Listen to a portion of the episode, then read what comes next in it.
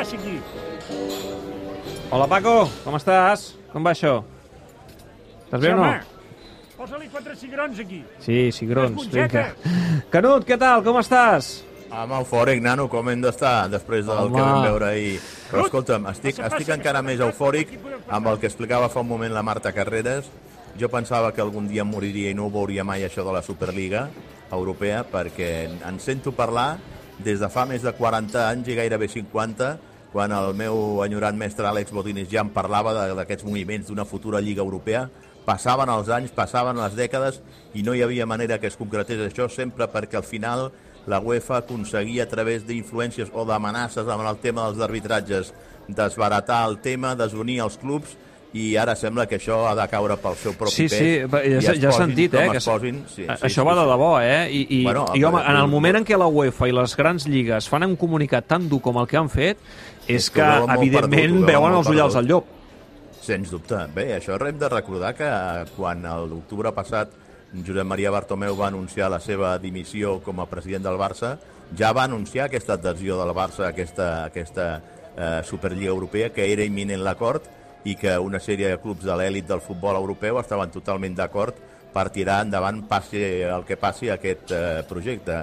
Ara bé, també és cert que tant Real Madrid com Barça dels ingressos de la pròpia Lliga Espanyola, de la Lliga de les Estrelles, els hi queia un bon pico. Bé, escolta'm, en qualsevol cas, Canut, um, jo hi ha una cosa que, del tema de la Superliga, jo hi ha una cosa per això que, que em preocupa, que és que, clar, al final això, si és un barra lliure, és a dir, que no hi ha normativa i que, per tant, el fair play financer, eh, evidentment, aquí no importarà, no? Que, que barra lliure, que tothom fitxi qui vulgui, eh, compte perquè, clar, els clubs estat, eh, Cities, eh, PSGs, eh, tindran, diguem-ne, eh, molt, molt perill. Mans, mans lliures, sí. Clar, mans lliures sí. per fitxar el que els doni la gana. I jo no sé si això és bo pel futbol.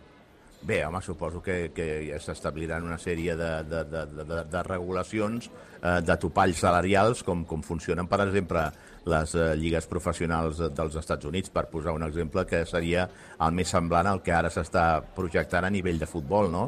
I, per tant, escolta'm, existeix també en el bàsquet. A l'Eurolliga hi ha uns topalls eh, salarials i, i això no ho regula ni la FIBA ni, ni el Comitè Olímpic Internacional, sinó que ho regulen els mateixos clubs que pertanyen a l'Eurolliga. D'aquesta manera m'imagino que hauran d'establir uns protocols, unes regles del joc que tothom haurà de, de, de, de sotmetre's i de complir-les, no? Mm. La- L'altra cosa, l'altra part positiva pel Barça és que, home, amb els ingressos dels quals estem parlant, eh, et referies molt ràpidament a, a nivell econòmic de la patacada de la pandèmia i, compte, jo també entenc que els grans cracs que hi haurà al continent europeu, tipus Haaland, eh, voldran jugar en aquests clubs que són a la Superliga.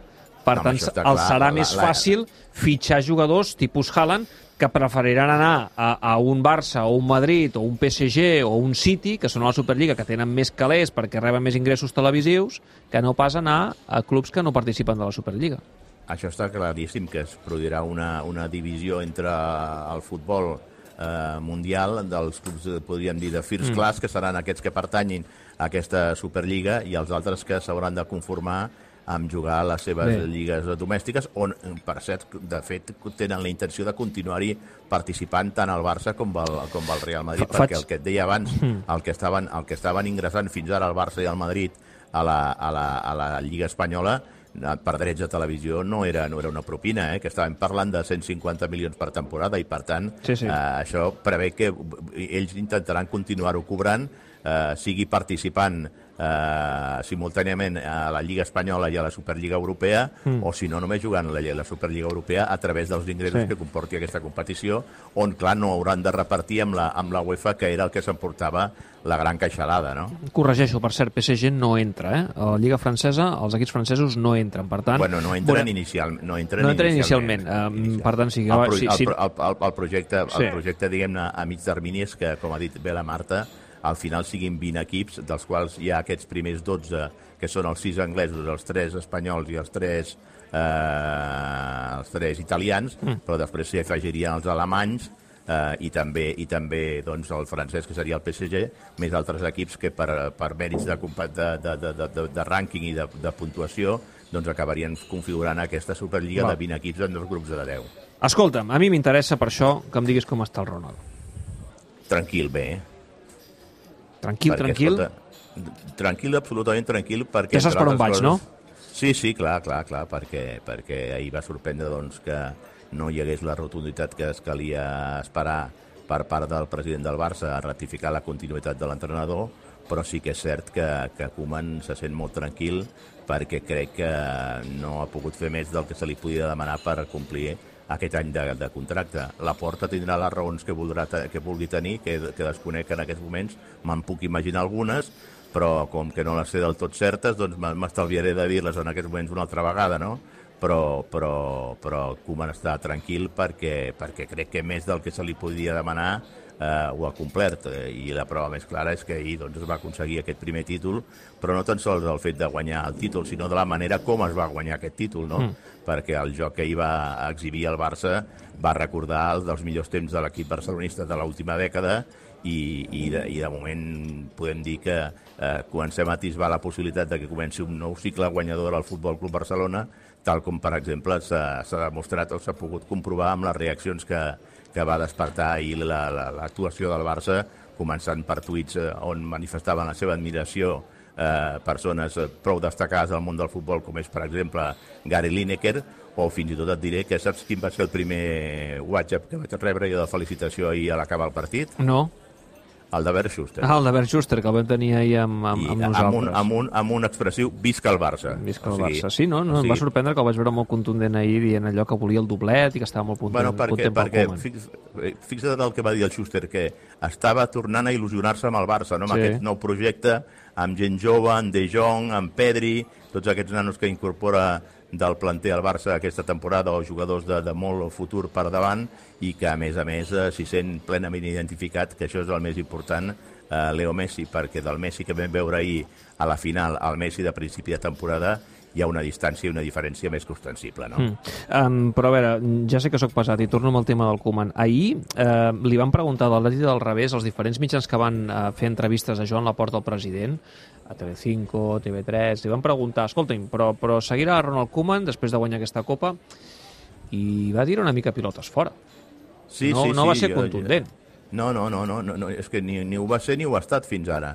Mm, jo no sé si, si, si això els ha pogut agafar amb el peu canviat, eh, si la porta tenia uns altres plans i ara això eh, el pot obligar a haver de rectificar, perquè, clar, és una cosa òbvia que si tu en aquests moments fas una enquesta entre el barcelonisme eh, quin és l'entrenador que volen que continuï o que, que, sigui la pròxima temporada a la banqueta, crec que d'una manera rotunda i abassegadora guanyaria l'opció de Ronald Koeman, no? Eh, la gent està molt contenta i jo ho detecto en el dia Sí, a dia. clar, però la gent, pot, la gent pot estar contenta, que al final qui decidirà és la, el president, i si el president té una altra idea... Sí, el president pot tenir una altra idea, però m'imagino que aquesta idea que pogués tenir abans eh, es pot igual veure obligat a canviar-la. Tu creus que pot per canviar d'opinió per la pressió popular? Home, jo crec que sí, que sí, que sí d'aquí a final de temporada el Barça continua amb la mateixa tònica de joc eh, i, per exemple, acaba guanyant la Lliga, eh, difícilment podrà argumentar algú que comen, tenint a més a més un any de contracte, que aquesta és l'altra, és que a més a més té un any de contracte. Com, se, com, com entendria l'afició del Barça amb els problemes i dificultats econòmiques que passa al club, que sobre un entrenador que t'ha capgirat al mitjó, Sí. que ha estat capaç de girar al mitjó, el, el, el facis fora i li paguis l'any que li queda contracte. doncs Lluís, doncs perquè arriba un nou president que té altres projectes. Et pot agradar més o menys, però mm, això pensant amb el cap de la porta, eh? eh i que tingui una altra idea pel Barça. No jo sé, no crec sé. que en aquests, en aquests moments eh, a la porta li seria molt difícil argumentar que un, una altra idea podria ser millor la que hi ha actualment. Ja. Uh, um, clar, el tema és si, si guanya la Copa, si és suficient, guanyant la Copa, amb aquest títol de Copa, um, és suficient per, per guanyar-se aquesta, aquesta credibilitat. Sí, que per però- mi sí, però- eh? però- que per mi però- sí, eh? No, no estic parlant de la meva opinió personal, no, eh? no, no, no, no, no, és que et dic una cosa, no és un tema de guanyar la Copa o, o, o, o no haver-la guanyat, que ja és important guanyar un títol i si guanyes dos encara millor, és la manera com s'ha guanyat. Mm. És eh, el, el, el, el, el, el joc que ha ofert el Barça. Avui els culers estan contents no per haver guanyat la Copa, que ho estan, òbviament, sinó la manera com es va guanyar aquest partit d'ahir.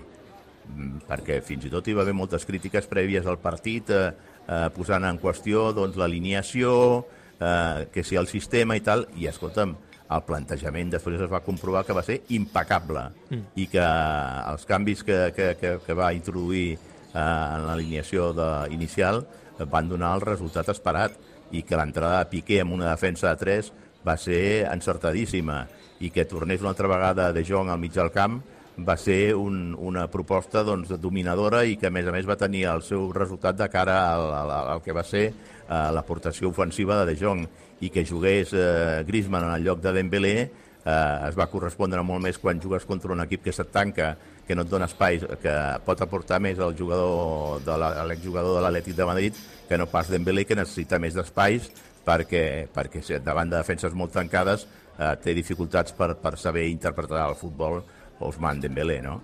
Bé, en fi, escolta'm, Canut, eh, me'n vaig cap a dalt, temps tindrem encara de parlar del futur de Ronald Koeman eh, i del futur d'aquest equip, perquè és evident, s'ha fet un primer pas molt important, ahir es va guanyar la Copa del Rei, el primer títol, no l'oblidis, eh, en dos anys en dos anys. Feia dos anys que el Barça no guanyava un títol i jo crec que ja tocava, no només per, per calmar els ànims a l'entorn, sinó també perquè, perquè els culers, els aficionats, finalment poguessin celebrar un èxit. Eh, setmana que ve tornem a parlar ja amb Xip Lliga i també a veure què passa amb aquesta Superliga perquè aquesta nit em sembla que serà calenteta.